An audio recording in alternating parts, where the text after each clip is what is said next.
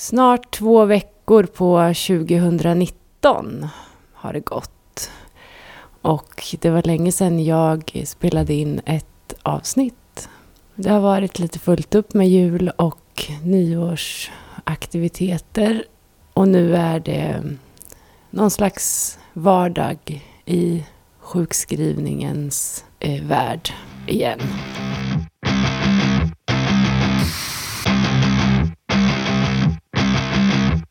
Jag tänker att picklinen behöver ett eh, alldeles eget avsnitt.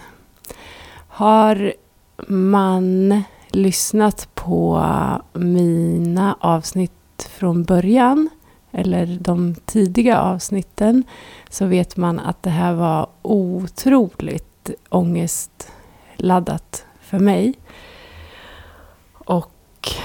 Eh, själva insättningen var ju panikartad skulle jag vilja påstå.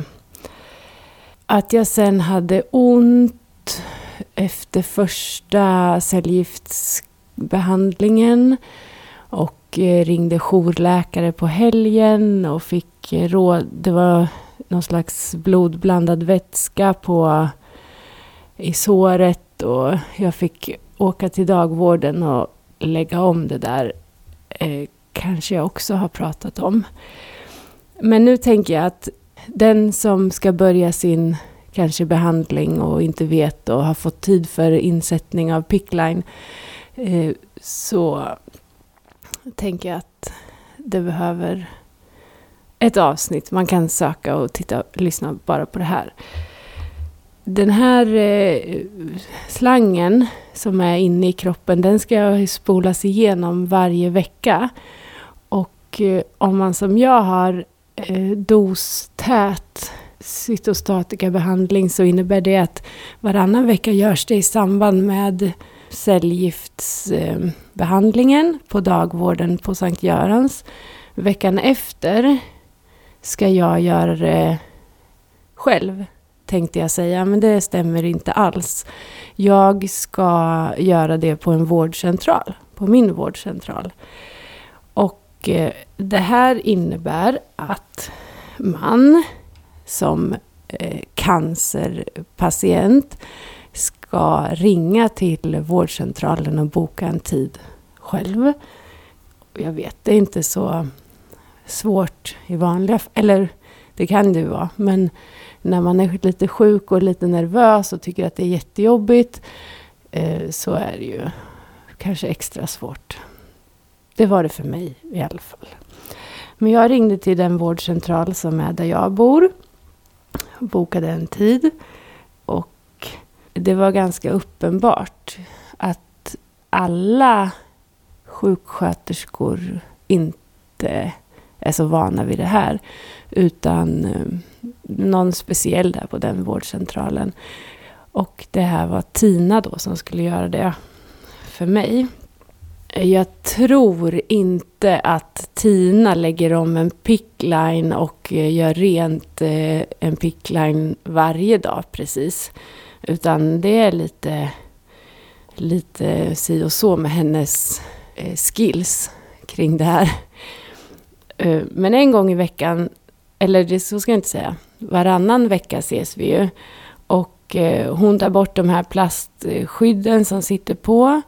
Och den här lilla tejpbiten eh, för fästet och hålla sladd, slangen eller den här lilla röret på plats. Och, eller i rätt läge. Och sköljer igenom med någon saltlösning. Hon eh, fipplar med Eh, en tejp som det sitter en liten plastsak på där den här slangen ska fästas för att inte kunna åka in och ut ur instickshålet och ner i kroppen. Eh, och det är små piggar som ska hamna på rätt ställe och så för att det ska sitta bra. Och det där, nu har jag gjort det ett antal gånger. På dagvården görs det ju hela tiden. De sjuksköterskorna gör ju det här i sömnen, känns det som. Men eh, det gör nog inte Tina. Eh, och det här gör ju att det blir lite spänt läge för mig. Efter första gången på vårdcentralen gick jag hem och bröt ihop.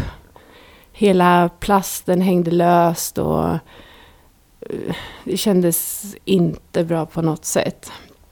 Jag fick, eller jag gick tillbaks och hon tejpade med kirurgtejp runt hela armen och det såg ju bedrövligt ut, tycker jag. Rent ut sagt. Eh, det kändes inte värdigt. Och som ni vet försöker jag upprätthålla någon form av klass i denna sjuktid. Men det här genererade att jag blev en, eh, en typ av samlare. Så nu samlar jag på de här olika, jag vet inte vad, vad det kallas, men det är som en plastfilmsbit med tejp över hela som liksom ska skydda alltihopa så att det inte kommer in bakterier och vatten och, och sådär saker. Så nu är jag en samlare. Jag tar några extra när jag är på dagvården. Jag tar några extra när jag är på läkarbesök. Eller tar några extra jag ber om. Eh, och även eh, från Tina.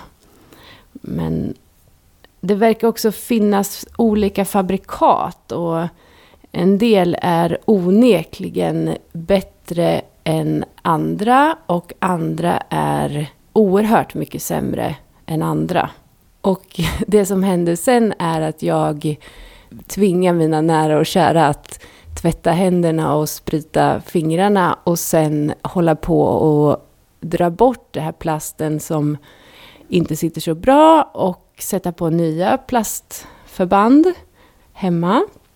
Eh, jag kommer lägga flera bilder på det här på, på min Instagram, Cancertankar podcast. Så att eh, ni kan se hur fint det kan vara och också hur, eh, mm, ja, mina ord, ovärdigt det kan se ut. I och med det här har jag nu skaffat mig lite kontroll och kan skratta istället för att gråta hejdlöst tio minuter efter omläggning av pickline och tänka att det borde i alla fall vara genomsköljt, alltså rent i den här lilla slangen. Och själva instickshålet ser i alla fall inte inflammerat ut. Det om det. Vi hörs.